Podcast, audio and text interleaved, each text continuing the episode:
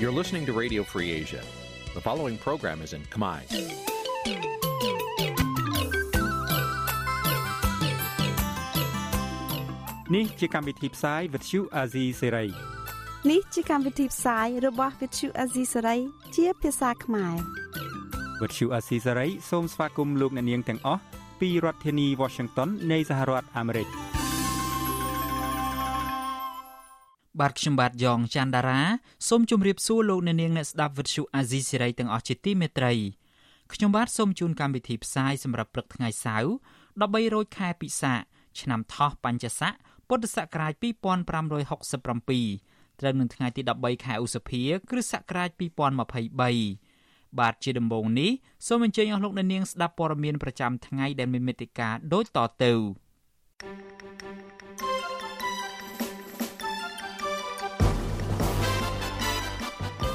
ណៈបកភ្លើងទៀនព្រមានធ្វើបាតកម្មអហិង្សា បើមិនអាចចូលរួមការបោះឆ្នោតបានគណៈកោ Nagawal ក្រុងដាក់ញត្តិទៅស្ថានទូតម៉ាឡេស៊ីដើម្បីជួយអន្តរាគមន៍រឿងវិវាទការងារជាមួយនឹងក្រុមហ៊ុនកសិករមួយចំនួននៅខេត្តបាត់ដំបងជំរុញឲ្យក្រសួងកសិកម្មយកចិត្តទុកដាក់ដោះស្រាយបញ្ហាខ្វះទឹកធ្វើស្រែចម្ការ ជនជាដើមភៀតតិចគួយនៅខេត្តព្រះវិហារធ្លាក់ខ្លួនក្រីក្រក្រោយពីក្រុមហ៊ុនរ៉ែមាសរំលោភយកដីធ្លីអស់រួមនឹងព័ត៌មានសំខាន់សំខាន់មួយចំនួនទៀត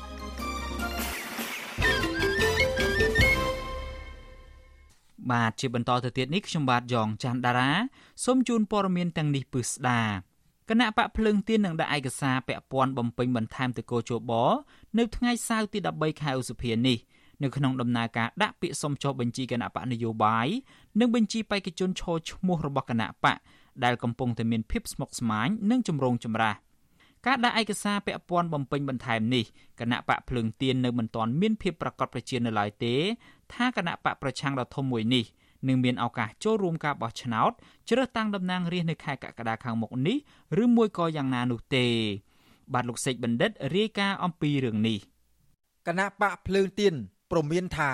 នឹងប្រមូលផ្ដុំថ្នាក់ដឹកនាំសហជីពសមាជិកាសកម្មជន និងអ្នកគាំទ្រគណៈបកទូទាំងប្រទេសធ្វើបាតកម្មតស៊ូមតិដោយសន្តិវិធី នៅក្រៅថ្ងៃទី13ខែឧសភាក្នុងករណីគណៈកម្មាធិការជាតិរៀបចំការបោះឆ្នោតហៅកាត់ថាកោជបបដិសេធមិនព្រមចុះបញ្ជីគណៈបកភ្លើងទៀនឲ្យមានសិទ្ធិចូលរួមសម្រាប់ការបោះឆ្នោតជ្រើសតាំងតំណាងរាស្ត្រនៅខែកក្កដាខាងមុខ អ្នកនាំពាក្យគណៈបកភ្លើងទៀនលោកគឹមសុភិរិទ្ធបញ្ជាក់យ៉ាងខ្លីបន្ថែមលើសេចក្តីប្រកាសព័ត៌មានរបស់គណៈបកថាមកទល់នឹងពេលនេះគណៈបកមិនទាន់បានជជែកពិភាក្សាលម្អិតអំពីរឿងនេះនិងមិនទាន់កំណត់ទីតាំងព្រមទាំងពេលវេលាច្បាស់លាស់នៅឡើយទេសេចក្តីប្រកាសព័ត៌មានរបស់គណៈបកភ្លើងទៀនចេញផ្សាយកាលពីថ្ងៃទី12ឧសភាក៏បានបញ្ជាក់ដែរថា គណៈបកនឹងដាក់បំពេញបន្ថែមនៅឯកសារពាក់ព័ន្ធក្នុងដំណើរការដាក់ពាក្យសុំចុះបញ្ជីគណៈបកនយោបាយនិងបញ្ជីបេក្ខជនឈរឈ្មោះសម្រាប់ការបោះឆ្នោតជ្រើសតាំងតំណាងរាស្ត្ររបស់គណៈបកភ្លើងទៀននៅទីស្នាក់ការគោចបនៅថ្ងៃទី13ខែឧសភាវេលាម៉ោង3រសៀលការសម្រេចនេះធ្វើឡើងភ្លាមភ្លាមក្រោយថ្នាក់ដឹកនាំគណៈបកភ្លើងទៀន6នាក់ដែលដឹកនាំដោយលោកទាវវណ្ណុលប្រធានគណៈបក បានទៅជួបពិភាក្សាជាលើកទី2ជាមួយនឹងមន្ត្រីក្រសួងមហាផ្ទៃនៅថ្ងៃទី12ខែឧសភាដើម្បីរកដំណោះស្រាយជុំវិញបញ្ហារាំងស្ទះនៃការស្នើសុំចុះបញ្ជីចូលរួមការបោះឆ្នោតជ្រើសតាំងតំណាងរាស្ត្រអាណត្តិទី7របស់គណៈបកប្រឆាំងនៅស្ថាប័នកោជបទោះយ៉ាងណាក្តីលោកគឹមសួរពិរិទ្ធថ្លែងប្រាប់វិទ្យុអសីសេរីនៅយប់ថ្ងៃទី12ខែឧសភា ក្រោយមានជំនួបលើកទី2នេះថាលទ្ធផលនៃជំនួបនោះ គឺมันមានអ្វីថ្មីប្លែកលើសពីជំនួបលើកទី1ឡើយហើយលោកមានក្តីសង្ឃឹមតិចតួចណាស់ដែលគណៈបករបស់លោកអាចចុះបញ្ជីបានសម្រេចនោះអភិរយនៃតំណាងវាអាចកើតជាពីព្រោះអីបើសិនជាចូលពីប្រកាសកើតជានឹងរុញគេនឹងរុញបរិកាសហើយយើងនៅសល់តែប្រឡោះមួយទេគឺក្រុមប្រឹក្សាតមនុញអញ្ចឹងយើងមិននឹងថាតបតាំងយ៉ាងម៉េចព្រោះប្រឡោះមកតបតាំងមិនដែរត្រូវឈ្នះ គណៈបកភ្លើងទៀនមុននឹងសម្រេចប្រកាសពីគម្រោងថានឹងប្រមូលផ្ដុំថ្នាក់ដឹកនាំសហជីពសមាជិកាសកម្មជន និងអ្នកគាំទ្រគណៈបកទូទាំងប្រទេសធ្វើបាតកម្មតស៊ូមតិដោយសន្តិវិធីនេះពួកគេបានព្យាយាមដោះស្រាយតាមផ្លូវច្បាប់និងគ្រប់មធ្យោបាយជាបន្តបន្ទាប់ជាមួយគ្នានេះក្រសួងមហាផ្ទៃកាលពីថ្ងៃទី5ឧសភាក៏ប្រកាសទទួលស្គាល់ថាគណៈបកភ្លើងទៀនបានចុះបញ្ជីស្របច្បាប់ហើយគណៈបកនេះ អាចចុះបញ្ជីចូលរួមការបោះឆ្នោត នៅថ្ងៃទី23ខែកក្កដាខាងមុខបានប៉ុន្តែគោចបបញ្ជាក់ថាសេចក្តីប្រកាសរបស់ក្រសួងមហាផ្ទៃនោះមិនអាចប្រើប្រាស់បានឡើយគោចបនៅតែទៀមទីឲ្យគណៈបកភ្លើងទៀនបំពេញតាមលក្ខខណ្ឌរបស់ខ្លួន គឺត្រូវដាក់នៅសេចក្តីចម្លងលិខិតបញ្ជាក់ការចុះបញ្ជីគណៈបកនយោបាយនៅក្រសួងមហាផ្ទៃកាលពីឆ្នាំ1998 ដោយមានបញ្ជាក់ពីនិត្យានុគលកម្មដោយរដ្ឋបាលរាជធានីខេត្តក្រុង ស្រុកនិងខណ្ឌក៏ប៉ុន្តែគណៈបកភ្លើងទៀនបានបាត់ច្បាប់ដើមនៃសេចក្តីប្រកាសទទួលស្គាល់ពីក្រសួងមហាផ្ទៃនោះបន្ទាប់ពីមានការវិច្ឆមក់ចូលបិទទីស្នាក់ការរួមគ្នានៃគណៈបកសង្គ្រោះជាតិនិងគណៈបកភ្លើងទៀនកាលពីឆ្នាំ2017នាយកប្រតិបត្តិអង្គការ Netflix លោកសំគុណធីមីយល់ឃើញថា ស្ថាប័នកោជបគួរតែយោគយល់ចំពោះការសុំចុះបញ្ជីចូលរួមការបោះឆ្នោតពីគណៈបកភ្លើងទៀននៅពេលមានសេចក្តីប្រកាសទទួលស្គាល់ពីក្រសួងមហាផ្ទៃទៅហើយនោះបាទហ្នឹងខ្ញុំគិតថាគឺជារបស់គួរយល់យល់ហើយព្រោះអាហ្នឹងក្រសួងមហាផ្ទៃគាត់បានទទួលស្គាល់ចុងទីផ្លូវការរួចហើយហ្នឹងដូចជាក្រសួងមហាផ្ទៃបញ្ជាក់បន្ថែមទៀតទៅក៏បានដែរវាគ្រប់គ្រាន់ណាណាជុំវិញបញ្ហានេះ វិទ្យុអសីសេរីនៅពុំទាន់អាចសុំការបំភ្លឺពីអ្នកនាំពាក្យកោជបលោកហងពុធាបានទេ នៅថ្ងៃទី12ឧសភាក៏ប៉ុន្តែមន្ត្រីកោជបរូបនេះធ្លាប់ប្រមានថាប្រសិនបើត្រឹមថ្ងៃទី14ខែឧសភាគណៈបកភ្លើងទៀនមិនអាចបំពេញតាមលក្ខខណ្ឌខ្វះខាតនោះបានទេកោជបនឹងបដិសេធការស្នើសុំចុះបញ្ជីរបស់គណៈបកនេះ គណៈបកភ្លើងទៀនចាត់ទុកការតម្រូវឲ្យបំពេញតាមបែបបទរដ្ឋបាលក្នុងលិខិតស្នាមនោះថាជារឿងតូចតាចប៉ុណ្ណោះប៉ុន្តែគោចបហាក់កំពុងព្យាយាមធ្វើរឿងនេះឲ្យคล้ายទៅជាបញ្ហាធំ ដើម្បីរារាំងដល់ការចុះបញ្ជីចូលរួមបោះឆ្នោតរបស់គណៈបកខ្លួនគណៈបកភ្លើងទៀនជាគណៈបកដែលទទួលសម្លេងឆ្នោតច្រើនបំផុត បន្ទាប់ពីគណៈបកប្រជាជនកម្ពុជា នៅក្នុងការបោះឆ្នោតក្រុមប្រឹក្សាឃុំសង្កាត់កាលពីឆ្នាំ2022គណៈបកនេះទទួលបានសម្លេងឆ្នោត22%និងបច្ចុប្បន្នក្លាយជាគណៈបកប្រឆាំងដ៏សំខាន់ថ្មីមួយក្រោយពីគណៈបកសង្គ្រោះជាតិដែលធ្លាប់ទទួលសម្លេងឆ្នោតគាំទ្រ44%នៅក្នុងការបោះឆ្នោតជ្រើសតាំងតំណាងរាស្ត្រឆ្នាំ2013ហើយត្រូវបានលោកហ៊ុនសែនរំលាយចោលកាលពីឆ្នាំ2017កន្លងទៅ ខ្ញុំបាទសេកបណ្ឌិតវិទ្យុអាស៊ីសេរីពីរដ្ឋធានីវ៉ាស៊ីនតោន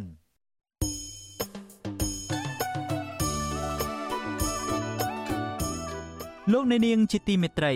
ក្រៅពីការតាមដានកម្មវិធីផ្សាយរបស់ Vuthu Azizi Serai នៅតាមបណ្ដាញសង្គម Facebook YouTube និង Telegram លោកអ្នកនាងក៏អាចតាមដានកម្មវិធីផ្សាយរបស់យើង នៅតាមរយៈបណ្ដាញ Instagram បានដែរ តាមរយៈតំណ link ដែលមានអាសយដ្ឋាន www.instagram.com/rfa ខ្មែរអាស៊ីសេរីបន្តខិតខំផ្សព្វផ្សាយព័ត៌មានពិតទៅកាន់បងប្អូនតាមរយៈបណ្ដាញសង្គមផ្សេងផ្សេងនិងសម្បូរបែបដើម្បីឲ្យលោកអ្នកនាងងាយស្រួលតាមដានកម្មវិធីផ្សាយរបស់អាស៊ីសេរីគ្រប់ពេលវេលា និងគ្រប់ទីកន្លែងតាមរយៈទូរស័ព្ទរបស់លោកអ្នកនាង បាទសូមអរគុណ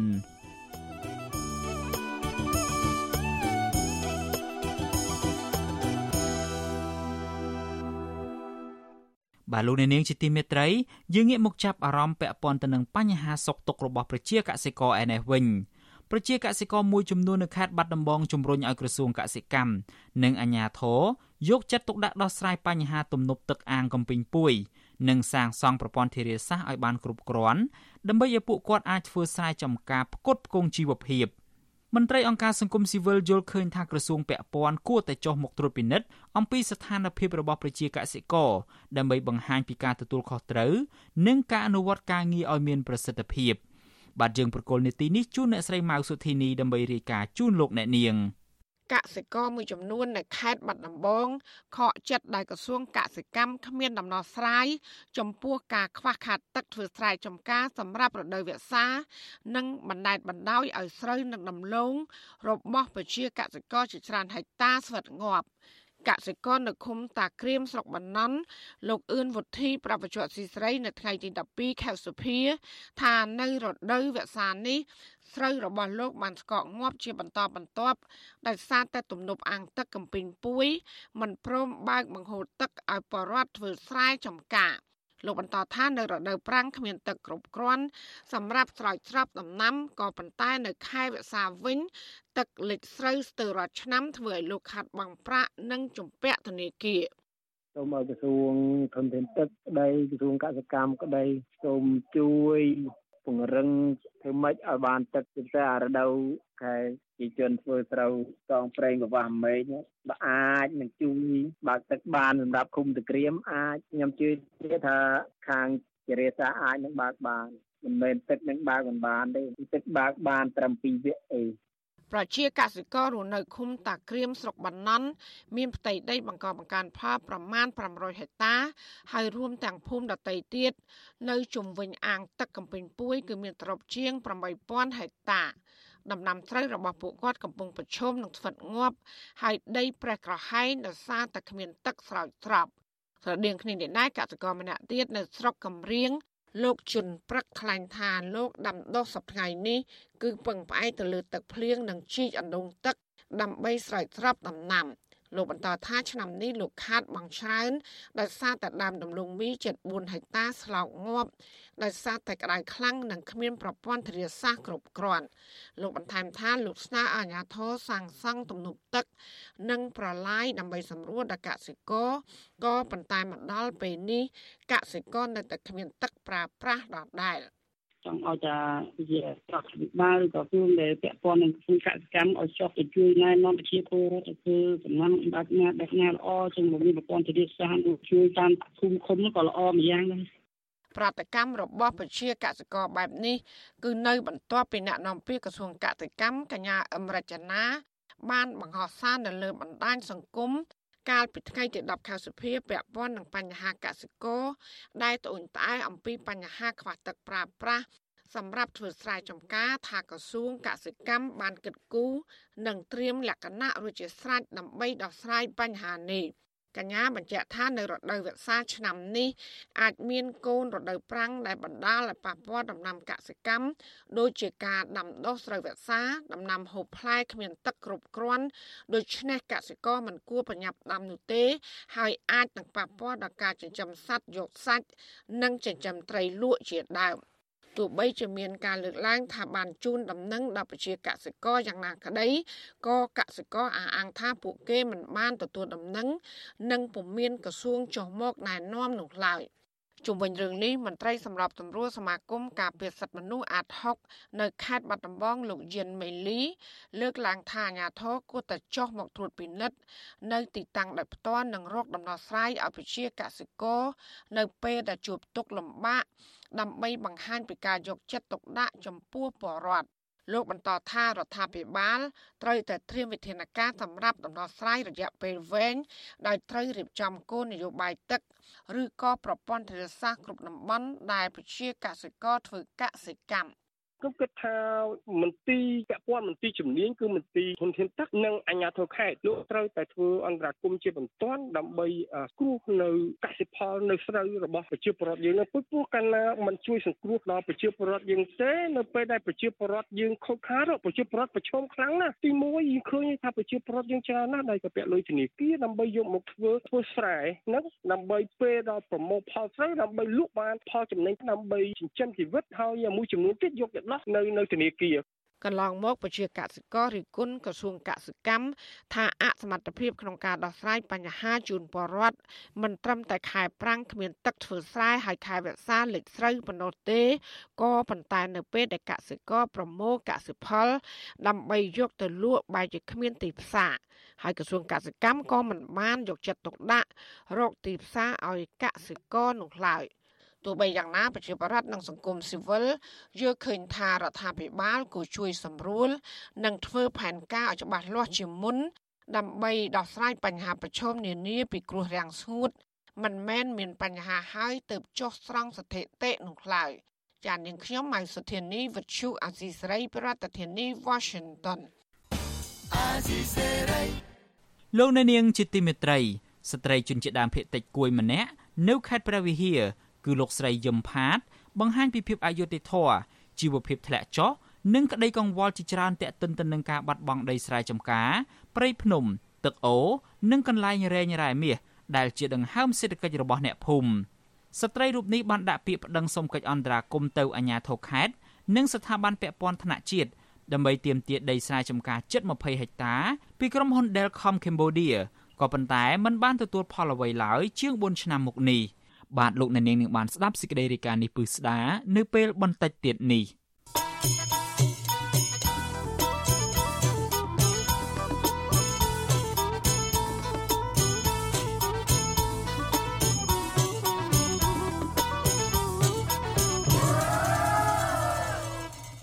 បាទលោកអ្នកនាងជាទីមេត្រីយើងងាកមកចាប់អារម្មណ៍ពាក់ព័ន្ធទៅនឹងបញ្ហាសិទ្ធិការងារឯនេះវិញ កោតក្រ Nagawal បន្តនាំគ្នាធ្វើកោតកម្មដោយសន្តិវិធី នៅមុខក្រុមហ៊ុន ដើម្បីស្វែងរកដំណោះស្រាយវិវាទការងារដែលអូសបន្លាយពេលជាង1ឆ្នាំមកនេះបាទទន្ទឹមនឹងនេះពួកគាត់ក្រុងចេញដាក់ញត្តិនៅស្ថានទូតម៉ាឡេស៊ីដើម្បីជួយអន្តរាគមន៍ឲ្យថៅកែក្រុមហ៊ុននេះគោរពច្បាប់ស្តីពីការងារនិងបញ្ចប់វិវាទការងារមួយនេះឲ្យបានឆាប់រហ័សមន្ត្រីអង្គការសង្គមស៊ីវិលជំរុញឲ្យភាគីពាក់ព័ន្ធបញ្ចប់វិវាទការងារនេះដោយយុត្តិធម៌និងផ្អែកតាមច្បាប់ ជាជាងការចោទប្រកាន់ណាមួយមកលើកោតក្រដោយមិនសមហេតុផល បាទលោកនៅវណ្ណរិនរាយការណ៍ពឹស្ដារអំពីរឿងនេះក្រុមកម្មករ Nagawer ប្រមាណ50នាក់នៅថ្ងៃទី12ខែឧសភា បន្តប្រមូលផ្ដុំនៅមុខអគារក្រុមហ៊ុន Nagawer 2ដើម្បីទាមទារឲ្យម្ចាស់ក្រុមហ៊ុនបនលបែងដែលជាជនជាតិម៉ាឡេស៊ីងាកមកគោរពច្បាប់ស្តីពីការងារនិងទទួលពួកគាត់ចូលធ្វើការវិញ។ ក្រុមកោតកោបានឈរលើកបដារូបថតទាមទារឲ្យអាជ្ញាធរដោះលែងកញ្ញាឈឹមស៊ីធដោយឥតលក្ខខណ្ឌហើយអ្នកខ្លះទៀតក៏យកស្លាបព្រាវែកទៅវាយចានឆ្នាំងកងរំពង ជាសំឡេងភ្លេងលាន់ឮពេញដងផ្លូវក្នុងគោលបំណងផ្ញើសារទៅរដ្ឋាភិបាលលោកហ៊ុនសែនឲ្យជួយអន្តរាគមន៍បញ្ចប់វិវាទការងារមួយនេះដោយតម្លាភាពនិងយុត្តិធម៌ពីព្រោះពួកគាត់ចាត់ទុកបញ្ហានេះថាជាវិវាទឆ្នាំងបាយរបស់កម្មករមិនមែនជាវិវាទនយោបាយឡើយ។ ចំណែកក្រមសន្តិសុខឆ្លៀកពាក់ឯកសន្តាន និងស៊ីវិលជាច្រើនអ្នកបានឃ្លាំមើលទីតាំងនោះប៉ុន្តែសកម្មភាពទាំងនោះមិនបង្កឲ្យមានហិង្សាកើតឡើងនោះទេការតវ៉ារបស់គឧតកោនេះស្របពេលក្រុមហ៊ុនបនលបែង Nagavel កំពុងរៀបចំទទួលភ្ញៀវជាតិនិងអន្តរជាតិសម្រាប់ប្រកួតវិញ្ញាសាកីឡាអេឡិចត្រូនិក Mobile Legends នៃព្រឹត្តិការណ៍ SEA Games លើកទី32ដែលកម្ពុជាកំពុងធ្វើជាម្ចាស់ផ្ទះ ក្រៅពីចេញមកតវ៉ានៅមុខអគារក្រុមហ៊ុននៅកណ្ដាលទីក្រុងភ្នំពេញនេះក្រុមកោតក្រក៏បានធ្វើយុទ្ធនាការនៅតាមបណ្ដាញសង្គមដោយបង្ហោះរូបថតភ្លើងពណ៌ក្នុងព្រឹត្តិការណ៍ SEA Games ដែលកម្ពុជាធ្វើជាម្ចាស់ផ្ទះអមដោយសារលើកឡើងថាកម្ពុជាពេលនេះមើលទៅអស្ចារ្យក៏ប៉ុន្តែស្នើរដ្ឋាភិបាលគួរក្រឡេកមើលទឹកភ្នែករបស់កម្មករដែលរស់នៅលើទឹកដីនេះផងពួកគេចោទជាសំណួរថាតើហេតុអ្វីរដ្ឋាភិបាលទុកពួកគេចោល អនុប្រធានសហជីពត្រួតត្រងការងារបុគ្គលិកកម្មករខ្មែរនៃក្រុមហ៊ុន Casino NagaWorld អ្នកស្រីឈឹមសុខនថ្លែងថាទឹកចិត្តរបស់គឧតកោពេលនេះនៅតែរឹងមាំក្នុងការស្វះស្វែងរកដំណោះស្រាយវិវាទការងារជាមួយថៅកែ NagaWorld រហូតបានយុត្តិធម៌ពិតប្រាកដក៏ប៉ុន្តែលោកស្រីឲ្យដឹងថាក្រៅពីការតវ៉ារបស់គឧតកោនៅមុខក្រុមហ៊ុននេះហើយកម្មករក៏ក្រុងពិភាក្សារៀបចំញត្តិទៅដាក់ស្ថានទូតម៉ាឡេស៊ីឲ្យជួយធ្វើកិច្ចអន្តរាគមន៍នៅពេលខាងមុខ លោកស្រីសង្ឃឹមថារដ្ឋាភិបាលថ្មីនៃប្រទេសម៉ាឡេស៊ីដែលកម្មករមើលឃើញថាមាននិន្នាការប្រជាធិបតេយ្យនិងជំរុញឲ្យថៅកែ Nagawal ដែលជាជនជាតិម៉ាឡេស៊ីបញ្ចប់វិវាទការងារដើម្បីកុំឲ្យប៉ះពាល់មុខមាត់ប្រទេសនេះ។ ខ្ញុំអត់ដែលលូកលាន់ជាមួយរឿងនយោបាយតែនេះវាជារឿងវិវាទកម្មករវិវាទឆ្នាំងបាយរបស់កម្មករអញ្ចឹងគាត់គួរទៅដោះស្រាយឯព្រោះជាពិសេសដើម្បី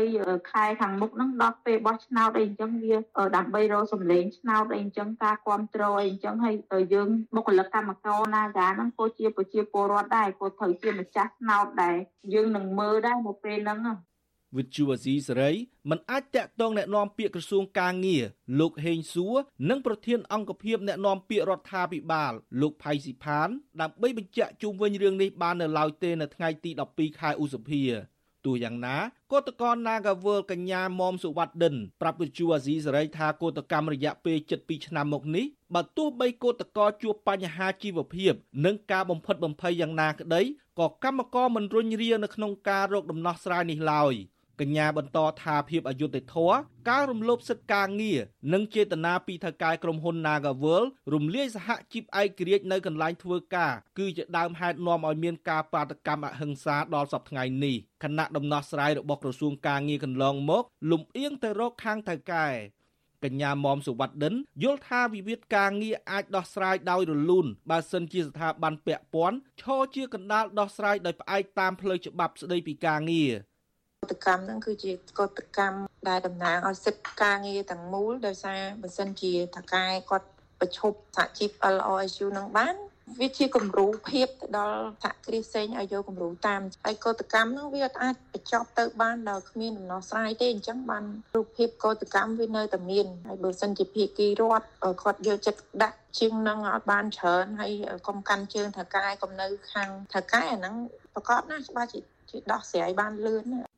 អ្នកខ្លាំមើលនឹងក្រុមគឧតកោមើលឃើញថារដ្ឋាភិបាលលោកហ៊ុនសែនអសមត្ថភាពនៅក្នុងការដោះស្រាយបញ្ចប់វិវាទការងារដោយយុត្តិធម៌ជូនគ្រប់ភាគីផ្ទុយទៅវិញលោកហ៊ុនសែនតែងតែប្រើប្រាស់វេទិកាសាធារណៈវាយប្រហារចោទប្រកាន់លើក្រុមគឧតកោ Nagavel ថាទទួលប្រាក់ឧបត្ថម្ភពីបរទេសធ្វើកោតកម្មប្រឆាំងនឹងរដ្ឋាភិបាលរបស់លោកទៅវិញ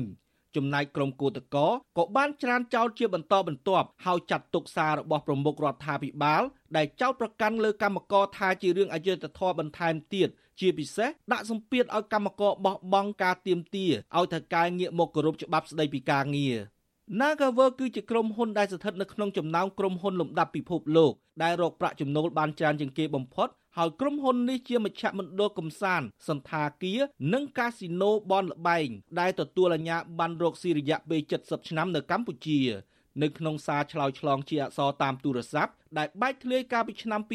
2017បង្ហាញថាម្ចាស់កាស៊ីណូ Nagaworld មានទំនាក់ទំនងជាមួយភរិយានិងកូនរបស់លោកហ៊ុនសែនកូនលោកសុកអាន និងមន្ត្រីរដ្ឋាភិបាលធំៗមួយចំនួន។ក្នុងសារនោះក៏មានទំនាក់ទំនងរវាងថៅកែនិងកូនកូនរបស់លោកហ៊ុនសែនទាំង4នាក់រួមទាំងលោកហ៊ុនម៉ាណែតលោកហ៊ុនម៉ាណិតលោកហ៊ុនម៉ាណីនិងលោកស្រីហ៊ុនម៉ាណា ជុំវិញរឿងនេះអ្នកនាំពាក្យសមាគមការពារសិទ្ធិមនុស្សអាត់ហុកលោកសឹងសានករណា មានប្រសាសន៍ថាកន្លងមកក្រុមកោតក្រ Nagawal បានអនុវត្តតាមនីតិវិធីមុនឈានដល់ចេញកោតកម្មដោយសន្តិវិធីជិត2ឆ្នាំហើយពុំទាន់ទទួលបានយុត្តិធម៌និងដំណោះស្រាយបញ្ហាការងារឲ្យបានត្រឹមត្រូវនៅឡើយ។ លោកមើលឃើញថាការទីមទារបស់ពួកគេ មានបំណងច្បាស់លាស់នៅក្នុងការស្វែងរកដំណោះស្រាយជាមួយក្រុមហ៊ុន Nagavel ដូច្នេះការចោទប្រកាន់មកលើពួកគេកន្លងមកធ្វើឡើងដោយមិនសមហេតុផល។ ការរំលោភទៅលើសិទ្ធិពួកគាត់នៅក្នុងក្រុមហ៊ុនហើយអយុត្តិធម៌ដោយសារតែការខ្វះការយកចិត្តទុកដាក់ខ្វះការប្រមូលព័ត៌មានឲ្យបានគ្រប់ជ្រុងជ្រោយដែលទៅចោតប្រកាន់ឲ្យពួកគាត់រងនៅភាពអយុត្តិធម៌មកតង់ទៀតអានឹងគឺជារឿងមួយដែលយើងទទូចសូមឲ្យមានការពិនិត្យនិងរកដំណោះស្រាយឲ្យបានឆាប់រហ័សជាជាងចេះតែលៀបពណ៌បន្ថែមរឿងរ៉ាវទៅដល់ពួកគាត់ដាក់ទោសអូសដំណើររបស់ពួកគាត់បន្តទៀតបាទ កន្លងមកក្រុមហ៊ុនបនលបែង Nagavel តែងតែរងការធ្វើបាបដោយហិង្សាពីអាជ្ញាធរនិងសន្តិសុខរបស់ក្រុមហ៊ុនបនលបែងនេះរហូតដល់អ្នកខ្លះរងរបួសធ្ងន់ហើយស្ត្រីម្នាក់ក៏រលូតកូនថែមទៀតផងក៏ប៉ុន្តែលោកហ៊ុនសែននិងរដ្ឋាភិបាលរបស់លោកនៅតែគ្មានដំណោះស្រាយណាមួយដល់ពួកគេនោះទេ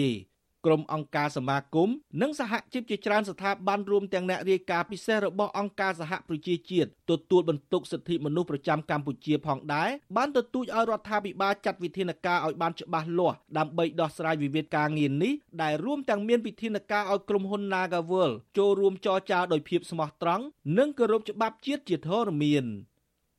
ខ្ញុំបាទនៅវណ្ណរិន With Chu Azizi Saray ពីរដ្ឋធានី Washington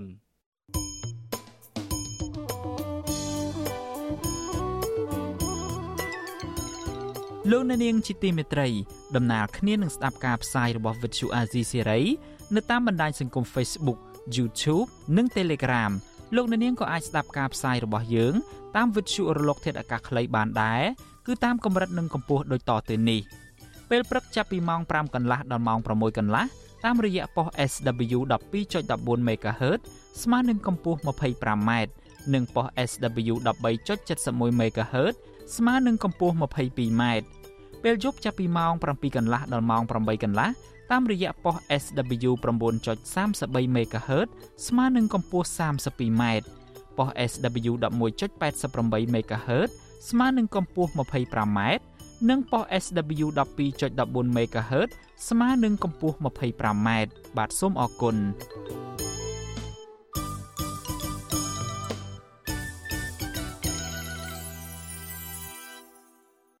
បាទលោកអ្នកនាងជាទីមេត្រីពាក់ព័ន្ធទៅនឹងរឿងសិទ្ធិការងារនេះដែរកម្មករកម្មការនីរោងចក្រផលិតស្រោមដៃដៃយ៉ាប់ Global នាំគ្នាបោះតង់ដេកតវ៉ាឲ្យថៅកែរោងចក្របើកប្រាក់ខែនិងផ្ដល់អត្ថប្រយោជន៍ផ្សេងផ្សេងដល់កម្មករដែលបានធ្វើការងារនៅរោងចក្រនេះម្នាក់ម្នាក់ជាង10ឆ្នាំមកហើយ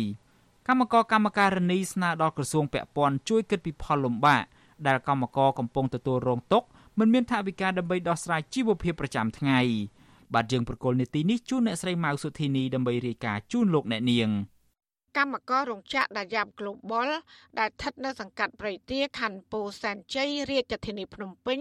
ប្រមាណជិត1000នាក់បាននាំគ្នាបោះជំរំតវ៉ានៅមុខរោងចក្រអស់ជាច្រើនថ្ងៃមកហើយក្រោយពីពួកគេបានទទួលដំណឹងថាថៅកែរោងចក្របានរត់ចោលមិនព្រមបើកប្រាក់ខែ និងអត្ថប្រយោជន៍ផ្សេងៗដល់ពួកគាត់ ប្រធានសម្ព័ន្ធសហជីពប្រជាធិបតេយ្យកម្មករកាត់ដេរកម្ពុជាហៅកាត់ថាស៊ីខៅឌូលោកជាដាវីប្រពន្ធស៊ីស្រីនៅថ្ងៃទី12ខែសុភាថាកម្មករកម្មការិនីជិត1000នាក់បាននាំគ្នាតវ៉ាចាប់ពីថ្ងៃទី29ខែមេសារហូតដល់ថ្ងៃទី12ខែសុភា នៅមិនទាន់មានដំណោះស្រាយសមរម្យណាមួយនៅឡើយចំណែកឯកម្មកររងទុក្ខវេទនាពីមួយថ្ងៃទៅមួយថ្ងៃដោយសារតែពួកគាត់ត្រូវការចំណាយជាប្រចាំជាពិសេសគឺខ្វះលុយបង់ធនាគារ លោកបន្ថែមថាខាងសហជីពរបស់លោកក៏បានជំរុញទៅក្រសួងការងារឲ្យពន្លឿនការដោះស្រាយជូនកម្មករប៉ុន្តែខាងក្រសួងឆ្លើយតបវិញថាបើសិនបើខាងនយោជកមិនបានដោះស្រាយជូនកម្មករនោះទេរដ្ឋាភិបាលនិងក្រសួងការងារនឹងចេញថ្លៃប្រាក់បរិបទានទៅដល់កម្មករ ហើយប្រាក់បរិវេទាននោះគឺមានតែ3ចំណុចទេគឺប្រាក់ខែចុងក្រោយប្រាក់អំណាចឆ្នាំនិងប្រាក់និងប្រាក់អតីតភាពការងារហើយនៅពេលដែលខាងក្រសួងការងារគាត់ប្រាប់របៀបនេះគឺបងប្អូនកម្មករនៅទីនេះគឺគាត់អត់សប្បាយចិត្តនឹងយកទេដោយសារប្រាក់ខែចុងក្រោយយើងអត់មានទេនៅក្នុងខែ4យើងជួការងារហើយជួការងារក្រុមហ៊ុនឲ្យ50ដុល្លារហើយប្រាក់ខាងក្រសួងផ្ដល់ឲ្យ40ដុល្លារតែរហូតមកដល់ពេលនេះប្រាក់ខាងក្រសួងគឺអត់ទាន់បាននៅឡើយទេ លោកជាដាវីឲ្យដឹងទៀតថាសហជីពនិងកម្មករមិនបានដឹងពីមូលហេតុដែលថៅកែរោងចក្ររត់ចោលនោះទេប៉ុន្តែកម្មករទាមទារឲ្យក្រសួងការងារក៏ហៅថៅកែឲ្យចូលដោះស្រាយនឹងទូទាត់អត្ថប្រយោជន៍ផ្សេងផ្សេងដល់ពួកគាត់ក្នុងនោះរួមមានប្រាក់ខែចុងក្រោយប្រាក់ដំណាច់ឆ្នាំប្រាក់អតីតភាពការងារប្រាក់ជូនដំណឹងនិងប្រាក់សងជំងឺចិត្តដូចជាច្បាប់ការងារបានចែង លោកបន្ថែមថារោងចក្រនេះផលិតស្រោមដៃដែលមានកម្មករចំនួន743នាក់ក្នុងនោះមានកម្មការិនីជាង80%កម្មការិនីម្នាក់គឺលោកស្រីអុកផល្លាដែលបានធ្វើការនៅរោងចក្រដាយ៉ាប់ Global បានរៀបរាប់តាំងទឹកមុខក្រៀមក្រំ ថាគ្រួសាររបស់លោកស្រីកំពុងតែជួបបញ្ហាលំបាកយ៉ាងខ្លាំងជាពិសេសខ្វះខាតថវិកាបង់ធនាគារនិងចាយវាយប្រចាំថ្ងៃដោយសារតែរោងចក្រមិនព្រមបើកប្រាក់ខែចុងក្រោយដល់ពួកគាត់ចំណែកឲ្យលុយដែលក្រសួងការងារសន្យាផ្ដល់ឲ្យក្នុងមួយខែ40ដុល្លារនោះក៏នៅមិនទាន់បានទទួលដែររយៈពេល7ខែមកហើយលោកស្រីបន្ថែមថាវាជារឿងអយុត្តិធម៌ចំពោះលោកស្រី ហើយនឹងកម្មករទាំងអស់ដែលពួកគាត់ខិតខំធ្វើការជាយូរឆ្នាំមកហើយដោយមិនខ្លាចនៅហត់ពួកខ្ញុំក៏មិននឹកស្មានថាតកែគាត់គិតដល់ចំណុចហ្នឹងដែរពីព្រោះពួកខ្ញុំធ្វើការជូនគាត់ជាង10ឆ្នាំមកហើយ11ឆ្នាំជាងហើយហើយចុងក្រោយគាត់ទុកឲ្យពួកខ្ញុំរងទុកវេទនាអញ្ចឹងលុយចំណេញតាំងប្រមាណគឺគាត់ត្រូវយកទៅអស់ហើយពួកខ្ញុំគឺនៅឃើញដេកយាមរោងចាក់ហាលថ្ងៃខ្យល់ភ្លៀង វត្ថុអសីស្រីមិនអាចតាក់ទងតំណាងរោងចក្រដែលយ៉ាប់ Global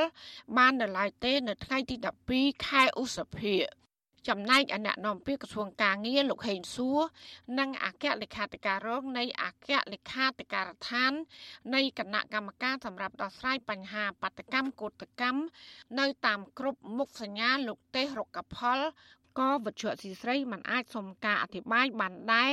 ដោយសារទូរស័ព្ទហៅចូលច្រើនដងតែគ្មានអ្នកទទួលប្រធានសហជីពស៊ីខៅឌូលោកជាដាវីលើកឡើងទៀតថា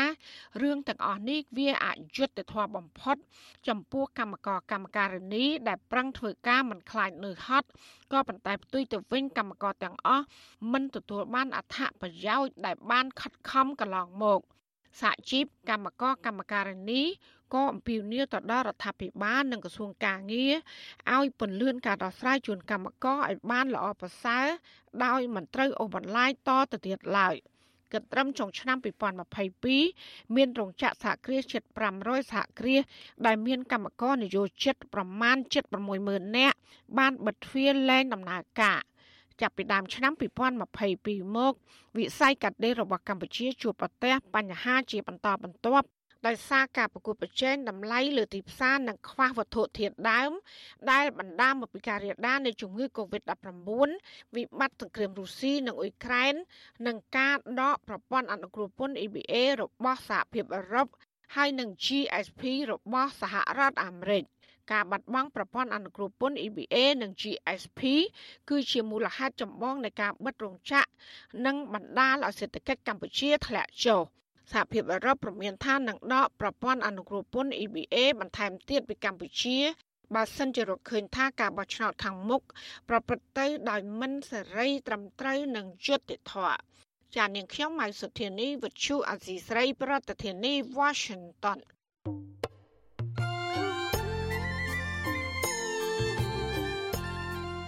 លោកអ្នកនាងជាទីមេត្រី នៅក្នុងឱកាសនេះដែរខ្ញុំបាទសូមថ្លែងអំណរគុណដល់លោកអ្នកនាងកញ្ញាទាំងអស់ ដែលតែងតែមានភក្ដីភាពចំពោះការផ្សាយរបស់យើងហើយចាត់ទុកការស្ដាប់វិទ្យុអាស៊ីសេរីគឺជាផ្នែកមួយនៃសកម្មភាពប្រចាំថ្ងៃរបស់លោកអ្នកនាងគឺការគ្រប់គ្រងរបស់លោកអ្នកនាងនេះហើយដែលធ្វើឲ្យយើងខ្ញុំមានទឹកចិត្តកាន់តែខ្លាំងក្លាថែមទៀតនៅក្នុងការស្វែងរកនិងផ្តល់ព័ត៌មានជូនលោកអ្នកនាងមានអ្នកស្ដាប់អ្នកទស្សនាកាន់តែច្រើនកាន់តែធ្វើឲ្យយើងខ្ញុំមានភាពស្វាហាប់មោះមុតជាបន្តទៅទៀតយើងខ្ញុំសូមអរគុណទុកជាមុនហើយសូមអញ្ជើញលោកអ្នកនាងកញ្ញាទាំងអស់ ចូលរួមជំរុញឲ្យសកម្មភាពផ្តល់ព័ត៌មានយើងនេះកាន់តែជោគជ័យបន្ថែមទៀតលោកអ្នកនាងអាចជួយយើងខ្ញុំបានដោយគ្រាន់តែចុចចែករំលែកឬមួយក៏ Share ការផ្សាយរបស់យើងនៅលើបណ្ដាញសង្គម Facebook និង YouTube ទៅកាន់មិត្តភ័ក្តិដើម្បីឲ្យការផ្សាយរបស់យើងបានទៅដល់មនុស្សកាន់តែច្រើន បាទសូមអរគុណ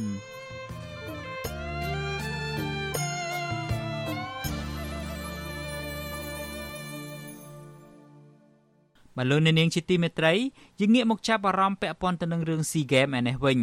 កម្ពុជាឈ្នះមេដាយចំនួន12គ្រឿងបន្ថែមទៀតកាលពីថ្ងៃទី12ខែឧសភាម្សិលមិញដែលធ្វើឲ្យចំនួនមេដាយកើនឡើងដល់167គ្រឿងហើយបាទនៅក្នុងនោះ57គ្រឿងគឺជាមេដាយមាស47គ្រឿងជាមេដាយប្រាក់និង63គ្រឿងទៀតជាមេដាយសំរឹទ្ធកម្មវិធីប្រកួតដណ្ដើមមេដាយនឹងបន្តរហូតដល់ថ្ងៃទី16ខែឧសភា ហើយកម្មវិធីបិទព្រឹត្តិការណ៍កីឡា SEA Games លើកទី32នេះនឹងប្រព្រឹត្តទៅនៅថ្ងៃពុធទី17ខែឧសភាសប្តាហ៍ក្រោយបានមកដល់ពេលនេះមេដាយដែលកម្ពុជាដណ្ដើមបានមានចំនួនច្រើនជាងមេដាយដែលទទួលបាននៅក្នុងព្រឹត្តិការណ៍ SEA Games លើកទី31ជិត3ដងហើយបាទនៅក្នុងព្រឹត្តិការណ៍ SEA Games លើកមុនដែលប្រព្រឹត្តទៅនៅប្រទេសវៀតណាមកាលពីឆ្នាំ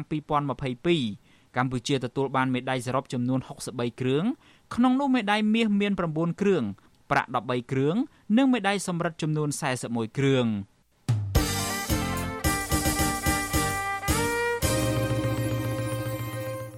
បាទលោកអ្នកនាងជាទីមេត្រីរដ្ឋាភិបាលតាមរយៈក្រសួងបរិស្ថាន បានដាក់ឲ្យដំណើរការជាផ្លូវការនៅគម្រោងភាពជាដៃគូសម្រាប់សកម្មភាពលើសេដ្ឋកិច្ចបៃតងហៅកាត់ថា PAGE នៅកម្ពុជានៅក្នុងការពង្រឹងកំណើនសេដ្ឋកិច្ចរបស់ខ្លួនប្រកបដោយភាពយូរអង្វែងនិងសក្តានុពល។ សកម្មភាពលើសេដ្ឋកិច្ចបៃតងគឺជាកម្មវិធីរួមគ្នារបស់ទីភ្នាក់ងារចំនួន5នៃអង្គការសហប្រជាជាតិដោយសម្របសម្រួល និងធ្វើការយ៉ាងជិតស្និទ្ធជាមួយនឹងក្រសួងពាក់ព័ន្ធដើម្បីធានាថា Page Cambodia ចូលរួមចំណែកនៅក្នុងការលើកកម្ពស់កំណើនសេដ្ឋកិច្ចបៃតង និងសក្តានុពល ដើម្បីផ្លាស់ប្តូរសេដ្ឋកិច្ចទាំងមូលឲ្យទៅតាមគន្លងប្រកបដោយភាពយូរអង្វែងជាងមុន។ ប្រធានលេខាធិការដ្ឋាននៃសកម្មភាពលើសេដ្ឋកិច្ចបៃតងលោកអាសាតណាវី បញ្ជាក់នៅក្នុងសេចក្តីប្រកាសព័ត៌មានកាលពីថ្ងៃទី12ខែឧសភាថាកម្មវិធីនេះបានសិក្សាពីភាពជាក់ស្ដែងនៅមូលដ្ឋាន និងពិនិត្យកែសម្រួលព្រមទាំងបានសហការជាមួយវិទ្យាស្ថានបណ្ដុះបណ្ដាល និងស្រាវជ្រាវដើម្បីអភិវឌ្ឍកម្ពុជា CDRI នៅក្នុងការសិក្សាលើវិសាលភាព ដើម្បីធានាថាការគ្រប់គ្រងរបស់ខ្លួន មានភាពស្របគ្នា ជាមួយនឹងយុទ្ធសាស្ត្រនិងកម្មវិធីដែលមានស្រាប់បាទការសិក្សានេះគឺដើម្បីកំណត់ពីឱកាសនិងជំរើសសម្រាប់កំណែទម្រង់គោលនយោបាយម៉ាក្រូសេដ្ឋកិច្ចនិងរួមទាំងវិស័យមួយចំនួនទៀតដែលមានសក្តានុពលខ្ពស់ដូចជាវិស័យកាត់ដេរទេសចរកសិកម្មនិងហិរញ្ញវត្ថុដើម្បីជំរុញឲ្យមានការផ្លាស់ប្តូរសេដ្ឋកិច្ចបៃតងប្រកបដោយចីរភាពជាសកល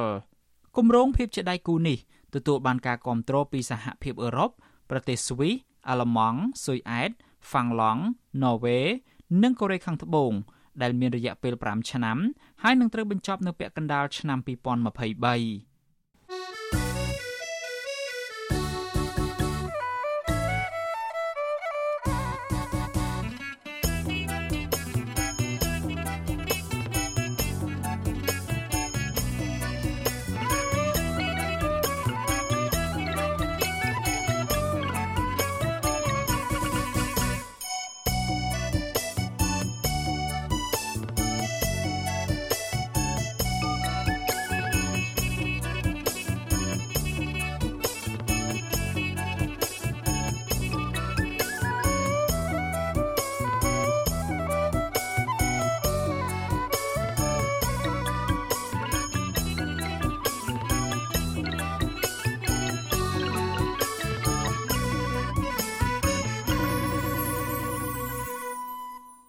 បាទលោកអ្នកនាងជាទីមេត្រីយើងងាកមកចាប់អារម្មណ៍ពាក់ព័ន្ធទៅនឹងរឿងអាស៊ានឯនេះវិញប្រធានអាស៊ានបដូវវេនគឺលោកប្រធាននាយកបដីឥណ្ឌូនេស៊ីបានបដិញ្ញាចិត្តដោះស្រាយវិបត្តិនយោបាយភូមានិងអំពាវនាវឲ្យសមាជិកអាស៊ានរួបរวมគ្នាបាត់ការបដិញ្ញាចិត្តនេះក្រោយពីអាស៊ានបានបរាជ័យទៅលើការអនុវត្តកិច្ចព្រមព្រៀង5ចំណុចរយៈពេល2ឆ្នាំមកនេះក្រុមអ្នកវិភាគលើកឡើងថាឥណ្ឌូនេស៊ីគឺជាអ្នកទទួលរងថ្មបាក់ពីលោកនាយរដ្ឋមន្ត្រីហ៊ុនសែនដែលកាលពីឆ្នាំមុន ក្នុងនាមលោកជាប្រធានបដូវវេនអាស៊ានបានចេញមុខដោះស្រាយវិបត្តិនយោបាយនៅភូមិមាននេះជាលក្ខណៈឯកតោភាគីដែលធ្វើឲ្យមេដឹកនាំរបបសឹកមិនគោរពតាមនោះឡើយបាទលោកទីនសាការីយ៉ាសូមជូនសេចក្តីរាយការណ៍ពឹស្ដាអំពីរឿងនេះដូចតទៅបញ្ហាវិបត្តិនយោបាយនិងអំពើហិង្សានៅភូមានៅតែជាប្រធានបទដ៏សំខាន់ដែលក្រុមមេដឹកនាំអាស៊ានបានលើកយកមកពិភាក្សានៅក្នុងកិច្ចប្រជុំកំពូលអាស៊ានលើកទី42នៅប្រទេសឥណ្ឌូនេស៊ី ជាការកត់សម្គាល់នោះប្រធានបដូវវេនអាស៊ានលោកជូកូវីដូដូហាក់ទទួលស្គាល់ថាអាស៊ានបរាជ័យលើការអនុវត្តលើកិច្ចព្រមព្រៀង5ចំណុចរបស់អាស៊ានក្នុងការដោះស្រាយវិបត្តិនយោបាយនៅមីយ៉ាន់ម៉ាឬភូមាប្រធានាធិបតីឥណ្ឌូនេស៊ីនិងជាប្រធានអាស៊ានបដូវវេនលោកជូកូវីដូដូបានថ្លែងកាលពីថ្ងៃទី11ឧសភាដែលជាថ្ងៃបិទបញ្ចប់កិច្ចប្រជុំកំពូលអាស៊ានថាលោកត្រូវតែនិយាយដោយស្មោះត្រង់ថា អាស៊ានមិនរីកចម្រើនលើការអនុវត្តគោលការណ៍ទាំង5ចំណុចរបស់អាស៊ាននោះទេលោកអំពាវនាវឲ្យមេដឹកនាំអាស៊ានរួបរวมគ្នានឹងត្រូវតែធ្វើសេចក្តីសម្រេចចិត្តលើជំហានបន្ទាប់អាស៊ានបានឯកភាពគ្នាដោះស្រាយវិបត្តិនយោបាយនៅភូមាដោយផ្អែកលើគោលការណ៍5ចំណុចហើយក្នុងនោះរបបសឹកក៏ជាភាគីចុះហត្ថលេខាទទួលស្គាល់ដែរទោះបីជាបែបនេះក្តីរបបយោធាខុសច្បាប់ភូមាមិនបានអនុវត្តកិច្ចព្រមព្រៀងទាំង5ចំណុចនេះទៅវិញកិច្ចព្រមព្រៀងទាំង5ចំណុចរបស់អាស៊ាន ដែលធ្វើឡើងនៅប្រទេសឥណ្ឌូនេស៊ីកាលពីឆ្នាំ2021នោះរួមមានការបញ្ចប់អំពើហិង្សាជាបន្ទាន់ការតែងតាំងប្រសិទ្ធពិសេសរបស់អាស៊ាន ការផ្ដល់ជំនួយមនុស្សធម៌របស់អាស៊ានទៅកាន់បរតភូមាឬមីយ៉ាន់ម៉ានិងបើកឲ្យមានដំណើរទស្សនកិច្ចរបស់ប្រសិទ្ធពិសេសអាស៊ាន ទៅកាន់ប្រទេសភូមាដើម្បីបានជួបចរចាគ្រប់ភាគីកាលពីឆ្នាំ2020លោកនាយករដ្ឋមន្ត្រីហ៊ុនសែនបានធ្វើជាប្រធានបដូវវេនអាស៊ាននោះលោកហ៊ុនសែនក៏រងភាពអាម៉ាស់និងបរាជ័យ ក្នុងការដឹកនាំដោះស្រាយវិបត្តិនយោបាយនៅភូមិនេះទាក់ទងនឹងបញ្ហានេះនាយវិភាគនយោបាយលោកកំសុកមានប្រសាសន៍ថាលោកហ៊ុនសែនដែលជាអតីតប្រធានបដូវវេនអាស៊ានគឺលោកបរាជ័យមុនគេក្នុងការដឹកនាំអនុវត្តកិច្ចព្រមព្រៀងទាំង5ចំណុចរបស់អាស៊ាននេះហើយបន្ទុកនេះក៏ធ្លាក់មកដល់ឥណ្ឌូនេស៊ីដែលធ្វើជាប្រធានបដូវវេនបន្តពីលោកហ៊ុនសែននៅឆ្នាំ2023នេះ វារលាយខ្សលទៅហើយ នៅក្រោមអាណត្តិប្រធានអាស៊ានដែលដឹកនាំដោយលោកនាយករដ្ឋមន្ត្រីហ៊ុនសែនណាគាត់កាច់កង់ចុះឡើងចុះឡើងចូលរន្ទាក់របស់មានអ៊ុងលៀងទៅវិញ5ចំណុចហ្នឹងណាដូច្នេះមកដល់ឥណ្ឌូនេស៊ីនេះក៏វាពិបាកថាឥណ្ឌូនេស៊ីងាយដោះស្រាយបញ្ហានៅប្រទេសភូមាខ្លាំងណាស់ក៏ប៉ុន្តែអ្វីដែលយើងមើលឃើញប្រទេសឥណ្ឌូនេស៊ីក្នុងនាមជាប្រធានអាស៊ានកំពុងតែបង្ហាញចំហមើងម៉ាត់របស់ខ្លួនដែរ ក្នុងការជំរុញឲ្យមានអង្លាំងហ៊ានប្រកាសចរចាជាមួយនឹងលោកស្រីអង្សានស៊ូជីឬក៏ក្រុមអ្នកនិយមប្រជាធិបតេយ្យរបស់លោកស្រីអង្សានស៊ូជីដើម្បីដោះស្រាយបញ្ហានយោបាយនៅប្រទេសភូមាកាលពីចុងខែឧសភាសមាជិកអន្តរសភាអាស៊ានបានចេញសេចក្តីថ្លែងការណ៍រួមគឺនៅចំខួប2ឆ្នាំគត់ដែលអាស៊ានបានចុះហត្ថលេខាលើកិច្ចព្រមព្រៀងទាំង5ចំណុចសមាជិកអន្តរសភាអាស៊ានអះអាងថារយៈពេល2ឆ្នាំមកនេះអាស៊ានបានបរាជ័យលើការអនុវត្តគោលការណ៍ទាំង5ចំណុច អំពីការដោះស្រាយវិបត្តិនយោបាយនៅភូមាដែលព្រមព្រៀងគ្នាជាឯកច្ឆ័ន្ទកាលពីឆ្នាំ2021រយៈពេល2ឆ្នាំមកនេះមេដឹកនាំរបបសឹកមិនបានអនុវត្តកិច្ចព្រមព្រៀងនេះឡើយផ្ទុយទៅវិញអាស៊ានក៏មិនទាន់មានចំណាត់ការណាមួយជាក់លាក់ទៅលើក្រុមមេដឹកនាំរបបសឹកភូមាខុសច្បាប់នេះដែរតែទៅនឹងបញ្ហានេះប្រធានបដូវវេនអាស៊ានលោកជូកូវីដូដូបានបដិញ្ញានៅក្នុងកិច្ចប្រជុំកំពូលអាស៊ាននៅឥណ្ឌូនេស៊ីថា លោកនឹងជំរុញឲ្យមានការរីកចម្រើនលើការអនុវត្តកិច្ចព្រមព្រៀងទាំង5ចំណុចនេះទន្ទឹមនឹងនេះក្រុមមេដឹកនាំអាស៊ានក៏ជំរុញឲ្យរបបសឹកភូមាបញ្ឈប់នៅរាល់ទម្រង់នៃអំពើហិង្សាហើយប្រមូលកម្លាំងប៉ូលីសធ្វើយ៉ាងណាធានាឲ្យមានការផ្ដល់ជំនួយមនុស្សធម៌ដល់ជនស៊ីវិលនិងបង្កើតបរិយាកាសចរចាដើម្បីបង្រួបបង្រួមជាតិភូមាទោះបីជាយ៉ាងនេះក្តីក្រុមសមាជិកអន្តរសភាអាស៊ានអះអាងថាកាលពីពេលថ្មីថ្មីនេះរបបសឹកបានវាយប្រហារនៅតាមអាកាស ក្នុងតំបន់ហ្សាហ្គាំងសម្រាប់ជនស៊ីវិលរាប់រយនាក់រួមទាំងកុមារផងនោះគឺជាភ័ស្តុតាងបន្ថែមទៀតដែលបង្ហាញថារបបសឹកភូមាមិនមានឆន្ទៈនិងមិនបានគោរពកិច្ចព្រមព្រៀងទាំង5ចំណុចរបស់អាស៊ាននេះទេផ្ទុយទៅវិញរបបសឹកដែលដឹកនាំដោយលោកមីនអងឡាំងបានប្រព្រឹត្តអំពើខុសខើនិងអំពើអក្រិតកម្មថែមទៀតផងរបបសឹកយោធាភូមាមិនត្រឹមតែវាយប្រហារសម្រាប់បរិបទរបស់ខ្លួនប៉ុណ្ណោះទេរបបសឹក ក៏បើកការវាយប្រហារទៅលើក្បួនរថយន្តដឹកនាំជំនួយមនុស្សធម៌អន្តរជាតិទៅភៀកខាងកើតប្រទេសកាលពីថ្ងៃអាទិត្យទី7ឧសភាថែមទៀតផងក្បួនដឹកជំនួយមនុស្សធម៌មានតំណាងស្ថានទូតឥណ្ឌូនេស៊ីពីររូបសង្ហបុរីពីររូបតែជាសំណាងល្អក្រុមយោធាបានបាញ់រះមិនត្រូវគណៈប្រតិភូមនុស្សធម៌នេះទេតែទៅនឹងបញ្ហានេះមេដឹកនាំសង្ហបុរីនិងឥណ្ឌូនេស៊ីបានថ្កោលទោសរបបសឹកភូមា ចំពោះការវាយប្រហារនេះ មេដឹកនាំទាំងពីរអំពាវនាវឲ្យអាស៊ាន មានចំណាត់ការមើងម៉ាត់លើរបបសឹកដែលកំពុងតែសម្លាប់ជនស៊ីវិលនេះអ្នកខ្លំមើលផ្នែកអភិវឌ្ឍសង្គមបណ្ឌិតសេនស៊ូរីមានប្រសាសន៍ថាចរិតមេដឹកនាំផ្ដាច់ការមានលក្ខណៈប្រហាក់ប្រហែលគ្នាលោកបន្ថែមថាអ្វីត្បិតតែចំហរបស់ឥណ្ឌូនេស៊ីហាក់មានចំហររឹងមាំបែបនេះក្តីក៏ប៉ុន្តែមេដឹកនាំផ្ដាច់ការនៅភូមាមិនខ្វល់អំពីកិច្ចព្រមព្រៀងទាំង5ចំណុចនេះទេទិសដៅសំខាន់គឺធ្វើយ៉ាងណាដើម្បីអាចបន្តអំណាចទៅមុខទៀតបាន យើងដឹងហើយថារដ្ឋាភិបាលដែលដឹកនាំដោយយោធានេះគឺសំខាន់ណាស់នៅក្នុងការរក្សាលំនឹងអំណាចនៅក្នុងប្រទេសភូមាហើយរហូតទៅដល់ឥឡូវហ្នឹងរដ្ឋាភិបាលយោធាហ្នឹងមិនខ្វល់អំពីការរិះគន់ពីអន្តរជាតិមិនខ្វល់អំពីការរិះគន់ពីប្រទេសនៅក្នុងតំបន់ទៅទៀតដូច្នេះរដ្ឋាភិបាលយោធាបច្ចុប្បន្ននេះគឺព្យាយាមធ្វើម៉េចការពារអំណាចរបស់ខ្លួនឲ្យបានយូរបំផុតដែលអាចធ្វើទៅបានទោះបីជាយ៉ាងនេះក្តីប្រធានាធិបតីឥណ្ឌូនេស៊ីនិងជាប្រធានបដូវវេនអាស៊ានលោកជូកូវីដូដូនៅតែសង្ឃឹមថា របបសឹកភូមានឹងមិនរារាំងការប្រឹងប្រែងរបស់អាស៊ានក្នុងការស្វែងរកដំណោះស្រាយនយោបាយនៅភូមានេះឡើយលោកលើកឡើងថាអាស៊ាន គឺជាគ្រួសារតែមួយនិងមានគោលដៅដូចគ្នា ធ្វើយ៉ាងណាឲ្យអាស៊ានក្លាយជាចំណុចកណ្ដាលនៃកំណើនសេដ្ឋកិច្ចនិងជាតំបន់សន្តិភាពស្ថិរភាពនិងវិបលភាពអ្វីត្បិតតែប្រធានអាស៊ានមានសុទ្ធិដ្ឋិនិយមបែបនេះក្តីក៏ប៉ុន្តែក្រុមនៃវិភាគអះអាងថាឥណ្ឌូនេស៊ីនឹងមិនអាចដោះស្រាយវិបត្តិនយោបាយនៅភូមានេះបានទេ ដរាបណាអាស៊ានដរាបណាអាស៊ានមិនឯកភាពគ្នាដាក់ទណ្ឌកម្មឬដាក់គំនាបណាមួយឲ្យបានជាក់លាក់លើរបបយោធាខុសច្បាប់ភូមិទេនោះខ្ញុំធីនសាការីយ៉ាអស៊ីសេរីប្រធានីវ៉ាស៊ីនតោន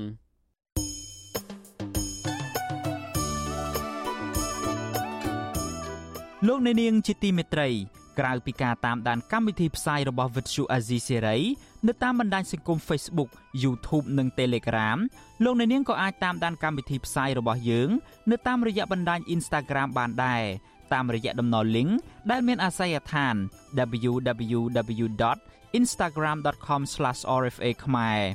អាស៊ីសេរីបន្តខិតខំផ្សព្វផ្សាយព័ត៌មានពិតទៅកាន់បងប្អូនតាមរយៈបណ្ដាញសង្គមផ្សេងផ្សេងនិងសម្បូរបែប ដើម្បីឲ្យលោកអ្នកនាងងាយស្រួលតាមដានកម្មវិធីផ្សាយរបស់អាស៊ីសេរីគ្រប់ពេលវេលា និងគ្រប់ទីកន្លែង តាមរយៈទូរស័ព្ទរបស់លោកអ្នកនាង បាទសូមអរគុណ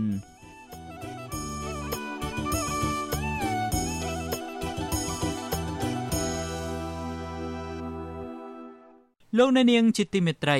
ស្ត្រីជនជាតិដើមភាគតិចគួយម្នាក់នៅខេត្តព្រះវិហារគឺលោកស្រីយឹមផាត បង្ហាញពីភាពអយុត្តិធម៌ជីវភាពធ្លាក់ចុះ និងក្តីកង្វល់ជាច្រើនទាក់ទិនទៅនឹងការបាត់បង់ដីស្រែចម្ការព្រៃភ្នំ ទឹកអូរនិងកន្លែងរែងរ៉ែមាសដែលជាដង្ហើមសេដ្ឋកិច្ចរបស់អ្នកភូមិស្ត្រីរូបនេះបានដាក់ពាក្យប្តឹងសុំកិច្ចអន្តរាគមន៍ទៅអាជ្ញាធរខេត្តនិងស្ថាប័នពាក់ព័ន្ធថ្នាក់ជាតិដើម្បីទាមទារដីស្រែចម្ការជិត20ហិកតាពីក្រុមហ៊ុន Delcom Cambodia ក៏ប៉ុន្តែมันបានទទួលផលអ្វីឡើយជាង4ឆ្នាំមកនេះបាទសំលោកនៅនាងស្ដាប់សេចក្តីរាយការណ៍ពឹស្ដាមួយទៀតរបស់លោកនៅវណ្ណរិនដូចតទៅ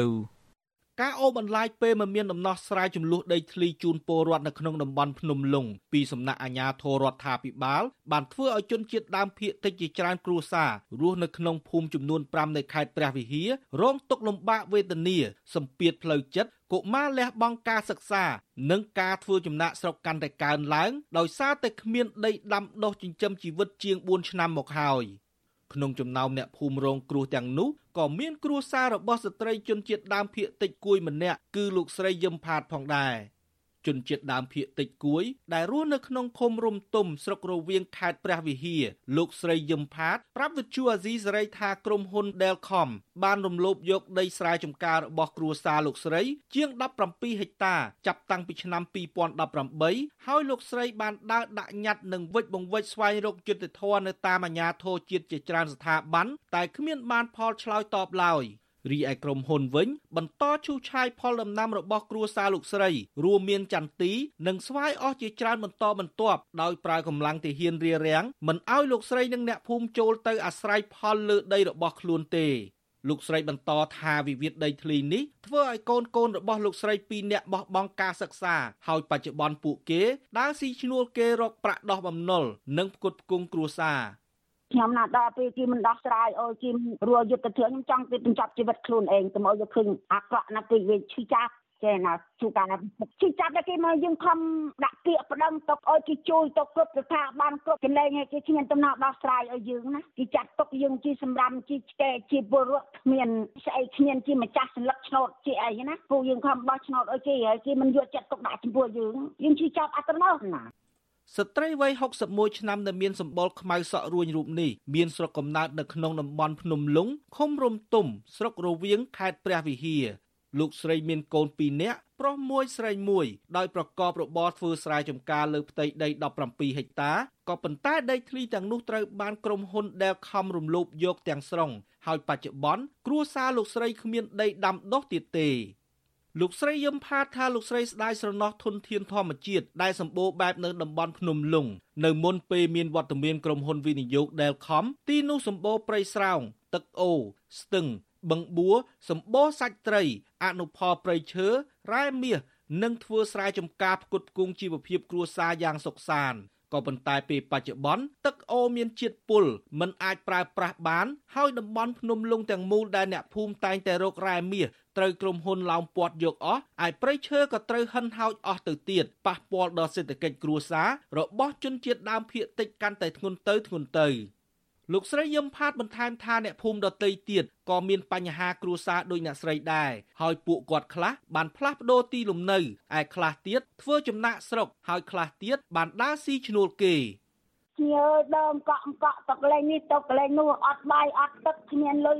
ហូបគ្មានលុយស៊ីគ្មានលុយចាយអត់តែបានជួយឡានទុំទុំឡានទៅធ្វើម៉េចរត់រួចច្បាប់អោយជួយគ្រប់សក់បែបយ៉ាងឃើញទៅបើកឡានមកយកលុយដាក់ប៉ៅទៅអស់លោកឃើញមិនតំណោះដោះស្រាយជូនជាពលរដ្ឋអស់ហើយខ្ញុំអស់ជំនឿហើយណាខ្ញុំរឿងខ្ញុំវិញជាពលរដ្ឋទាំងអស់នេះគឺឈប់ជំនឿឈប់អីមិនត្រូវសហក្រមធ្វើបាបខាងពេក ឆ្លើយតបនឹងបញ្ហានេះមេការក្រុមហ៊ុន Delcom កម្ពុជា លោកសសេរីវិចិត្របកស្រាយថាក្រុមហ៊ុនបានដោះស្រាយបញ្ហាដីធ្លីជាមួយពលរដ្ឋរួចរាល់អស់ហើយដោយអាជ្ញាធរស្រុក និងអាជ្ញាធរខេត្តចូលរួមផ្សព្វផ្សាយលោកបដិសេធឆ្លើយនឹងសំណួរផ្សេងទៀតដោយចុចផ្ដាច់ទូរស័ព្ទ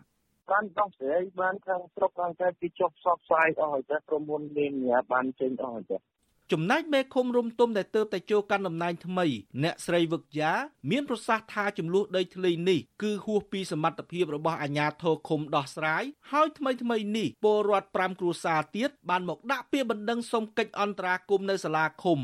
លោកស្រីថាកាលពីឆ្នាំ2019អាជ្ញាធរខេត្តបានដោះស្រាយបញ្ហាដីធ្លីជូនលោកស្រីយឹមផាតម្ដងហើយហើយក្រុមហ៊ុនបានផ្ដល់សំណង120,000ដុល្លារ គេដោះស្រាយអើយតើលោកប៉ុន្តែមិនដឹងចេញដល់ផលយ៉ាងម៉េចព្រោះដីគឺរត់ខេតដោះស្រាយអើយតើលោកផលចេញមកផ្លែផ្កាទៅយ៉ាងម៉េចខ្ញុំអត់ដឹងទេបន្តទៀតណា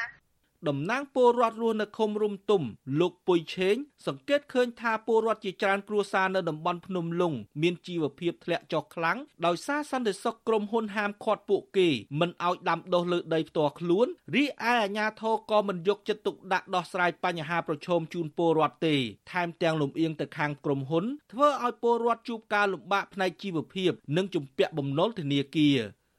លោកថាក្រុមហ៊ុនតែងតែរំលោភបំពានសិទ្ធិនិងដីធ្លីរបស់ពលរដ្ឋដោយមានការខុបខិតគ្នាជាមួយអភិបាលស្រុករវៀងលោកហៅប៊ុនហួរក្រុមហ៊ុននឹងឯងធ្វើបាបប្រជាពលរដ្ឋនោះដោយសារក្រុមហ៊ុននឹងមានខ្នងបង្អែកដូចជាវាយសុកវាយអីនឹងឯងយកអំណាចផ្ដាច់ការនឹងឯងមកគម្រាមប្រជាជនអានឹងទីនៅតែលំអៀងទៅក្រុមហ៊ុននេះគ្រប់ក្រុមហ៊ុនគេគេបានផលពីក្រុមហ៊ុនហើយគេ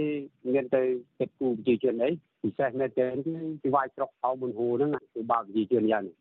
តំបន់ភ្នំលុងមានផ្ទៃដីជាង1200ហិកតាសម្បូរទៅដោយរ៉ែមាសត្រូវបានក្រុមហ៊ុនឯកជនធំធំចំនួន3ពុះចែកគ្នាធ្វើអាជីវកម្មជិត20ឆ្នាំមកហើយក៏ប៉ុន្តែក្រុមហ៊ុនទើបតែទទួលបានអាជ្ញាប័ណ្ណធ្វើអាជីវកម្មចម្រាញ់មាសពីក្រសួងកាលពីឆ្នាំ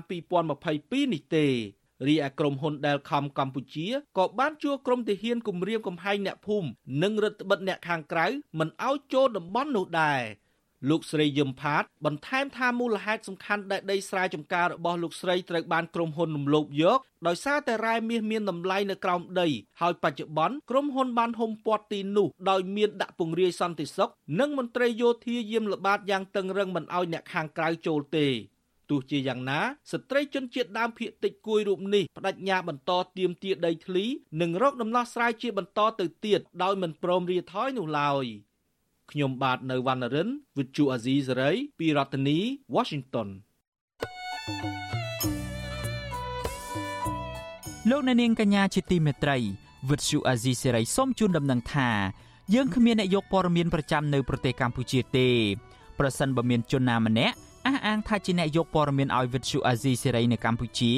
នោះគឺជាការក្លែងបន្លំយកឈ្មោះអាស៊ីសេរីទៅប្រើ នៅក្នុងគោលបំណងទុច្ចរិតណាមួយរបស់បុគ្គលនោះតែប៉ុណ្ណោះ បាទសូមអរគុណ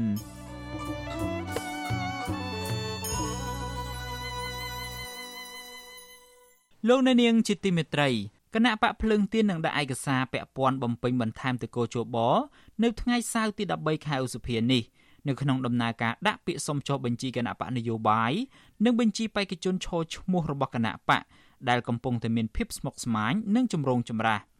ការដាក់ឯកសារពាក់ព័ន្ធបំពេញបន្ថែមនេះគណៈបកភ្លើងទៀននៅមិនទាន់មានភាពប្រកបប្រជានៅឡើយទេ ថាគណៈបកប្រឆាំងដ៏ធំមួយនេះនឹងមានឱកាសចូលរួមការបោះឆ្នោតជ្រើសតាំងតំណាងរាស្ត្រនៅខែកក្កដាខាងមុខនេះឬមួយក៏យ៉ាងណានោះទេ បាទលោកសេចបណ្ឌិតរាយការណ៍អំពីរឿងនេះគណៈបកភ្លើងទៀនប្រមានថានឹងប្រមូលផ្ដុំថ្នាក់ដឹកនាំសហជីពសមាជិកាសកម្មជន និងអ្នកគាំទ្រគណៈបកទូទាំងប្រទេស ធ្វើបាតកម្មតស៊ូមតិដោយសន្តិវិធី នៅក្រៅថ្ងៃទី13ខែឧសភា ក្នុងករណីគណៈកម្មាធិការជាតិរៀបចំការបោះឆ្នោតហៅកាត់ថាកោជបបដិសេធមិនព្រមចុះបញ្ជីគណៈបកភ្លើងទៀនឲ្យមានសិទ្ធិចូលរួមសម្រាប់ការបោះឆ្នោតជ្រើសតាំងតំណាងរាស្ត្រនៅខែកក្កដាខាងមុខអ្នកនាំពាក្យគណៈបកភ្លើងទៀនលោកគឹមសួភិរិទ្ធបញ្ជាក់យ៉ាងខ្លីបន្ថែមលើសេចក្តីប្រកាសព័ត៌មានរបស់គណៈបកថា មកទល់នឹងពេលនេះគណៈបកមិនទាន់បានជជែកពិភាក្សាលម្អិតអំពីរឿងនេះនិងមិនទាន់កំណត់ទីតាំងព្រមទាំងពេលវេលាច្បាស់លាស់នៅឡើយទេសេចក្តីប្រកាសព័ត៌មានរបស់គណៈបកភ្លើងទៀនចេញផ្សាយកាលពីថ្ងៃទី12ឧសភាក៏បានបញ្ជាក់ដែរថា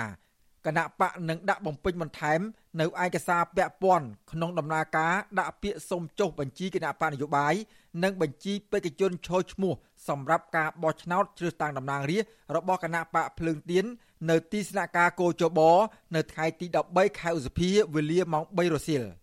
ការសម្រេចនេះធ្វើឡើងភ្លាមភ្លាមក្រោយថ្នាក់ដឹកនាំគណៈបកភ្លើងទៀន6នាក់ដែលដឹកនាំដោយលោកទាវវណ្ណលប្រធានគណៈបកបានទៅជួបពិភាក្សាជាលើកទី2ជាមួយនឹងមន្ត្រីក្រសួងមហាផ្ទៃនៅថ្ងៃទី12ខែឧសភា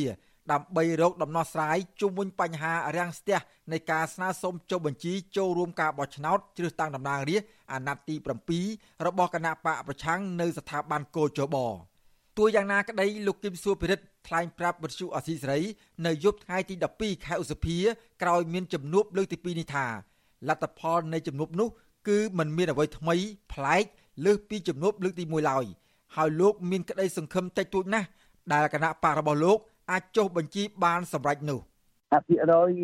នៃចំណានវាអាចកើតជាពីព្រោះអីបើសិនជាចូលពីប្រកាសកើតជានឹងរុញគេនឹងរុញវិស័យហើយយើងនៅសល់តែប្រឡោះមួយទេគឺក្រុមប្រឹក្សាតំនុញអញ្ចឹងយើងមិននឹងឆាត់តបតាំងយ៉ាងម៉េចព្រោះប្រឡោះមកតបតាំងមិនដែរត្រូវឈ្នះ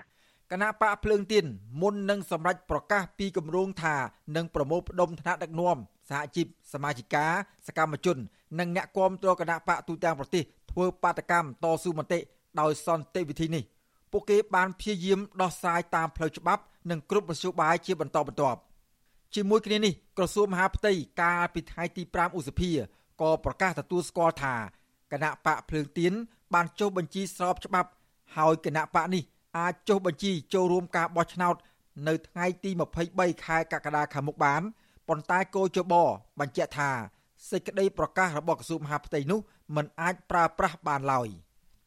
គោចបនៅតែទាមទារឲ្យគណៈបកភ្លើងទៀនបំពេញតាមលក្ខខណ្ឌរបស់ខ្លួនគឺត្រូវដាក់នៅសេចក្តីចម្លងលិខិតបញ្ជាក់ការចុះបញ្ជីគណៈបកនយោបាយនៅក្រសួងមហាផ្ទៃកាលពីឆ្នាំ1998ដោយមានបញ្ជាក់ពីនិត្យានុគោលកម្មដោយរដ្ឋបាលរាជធានីខេត្តក្រុងស្រុកនិងខណ្ឌក៏ប៉ុន្តែគណៈបកភ្លើងទៀនបានបាត់ច្បាប់ដើមនៃសេចក្តីប្រកាសទទួលស្គាល់ពីក្រសួងមហាផ្ទៃនោះ បន្ទាប់ពីមានការវិច្ឆមក់ចូលបិទទីស្នាក់ការរួមគ្នានៃគណៈបកសង្គ្រោះជាតិនិងគណៈបកភ្លើងទៀនកាលពីឆ្នាំ2017នាយកប្រតិបត្តិអង្គការ Netflix លោកសំគុណធីមីយល់ឃើញថាស្ថាប័នកោជបគួរតែយោគយល់ចំពោះការសុំចុះបញ្ជីចូលរួមការបោះឆ្នោតពីគណៈបកភ្លើងទៀននៅពេលមានសេចក្តីប្រកាសទទួលស្គាល់ពីក្រសួងមហាផ្ទៃទៅហើយនោះបាទហ្នឹងគឺថាគឺជារបស់គួរយល់យល់ហើយព្រោះអាហ្នឹងក្រសួងមហាផ្ទៃ គាត់បានទទួលស្គាល់ចុះបញ្ជីឆ្លងការរួចហើយហ្នឹងដូចជាក្រសួងមហាផ្ទៃបញ្ជាក់បន្ថែមទៀតទៅក៏បានដែរវាគ្រប់គ្រាន់ណាជុំវិញបញ្ហានេះវិទ្យុអសីសេរីនៅពុំទាន់អាចសុំការបំភ្លឺពីអ្នកនាំពាក្យកោជបលោកហងពុធាបានទេ នៅថ្ងៃទី12ឧសភាក៏ប៉ុន្តែមន្ត្រីកោជបរូបនេះធ្លាប់ប្រមានថាប្រសិនបើត្រឹមថ្ងៃទី14ខែឧសភាគណៈបកភ្លើងទៀនមិនអាចបំពេញតាមលក្ខខណ្ឌខ្វះខាតនោះបានទេកោជប នឹងបដិសេធការស្នើសុំចុះបញ្ជីរបស់គណៈបកនេះគណៈបកភ្លើងទៀនចាត់ទុកការតម្រូវឲ្យបំពេញតាមបែបបទរដ្ឋបាលក្នុងលិខិតស្នាមនោះថាជារឿងតូចតាចប៉ុណ្ណោះប៉ុន្តែគោចបហាក់កំពុងព្យាយាមធ្វើរឿងនេះឲ្យคล้ายទៅជាបញ្ហាធំ ដើម្បីរារាំងដល់ការចុះបញ្ជីចូលរួមបោះឆ្នោតរបស់គណៈបកខ្លួន គណៈបកភ្លើងទៀនជាគណៈបកដែលទទួលសម្លេងឆ្នោតច្រើនបំផុត បន្ទាប់ពីគណៈបកប្រជាជនកម្ពុជា នៅក្នុងការបោះឆ្នោតក្រុមប្រឹក្សាឃុំសង្កាត់កាលពីឆ្នាំ2022គណៈបកនេះទទួលបានសម្លេងឆ្នោត22%និងបច្ចុប្បន្នក្លាយជាគណៈបកប្រឆាំងដ៏សំខាន់ថ្មីមួយ ក្រោយពីគណៈបកសង្គ្រោះជាតិដែលធ្លាប់ទទួលសម្លេងឆ្នោតគាំទ្រ44% នៅក្នុងការបោះឆ្នោតជ្រើសតាំងតំណាងរាស្ត្រឆ្នាំ2013ហើយត្រូវបានលហ៊ុនសែនរំលាយចោលកាលពីឆ្នាំ2017កន្លងទៅខ្ញុំបាទសេកបណ្ឌិតវិទ្យុអាស៊ីសេរីពីរដ្ឋធានីវ៉ាស៊ីនតោន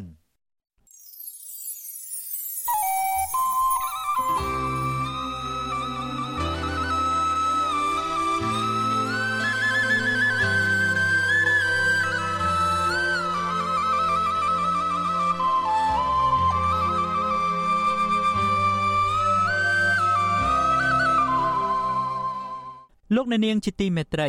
ការផ្សាយរយៈពេល1ម៉ោងរបស់ Vuthu Azizi Serai នៅព្រឹកនេះចប់ត្រឹមតែប៉ុណ្ណេះយើងខ្ញុំសូមជូនពរដល់លោកអ្នកនាងព្រមទាំងក្រុមគ្រួសារទាំងអស់ឲ្យជួបប្រកបតែនឹងសេចក្តីសុខចម្រើនរុងរឿងកុំបីឃ្លៀងឃ្លាតឡើយខ្ញុំបាទយ៉ងច័ន្ទដារាព្រមទាំងក្រុមការងារទាំងអស់នៃ Vuthu Azizi Serai សូមអរគុណនិងសូមជម្រាបលា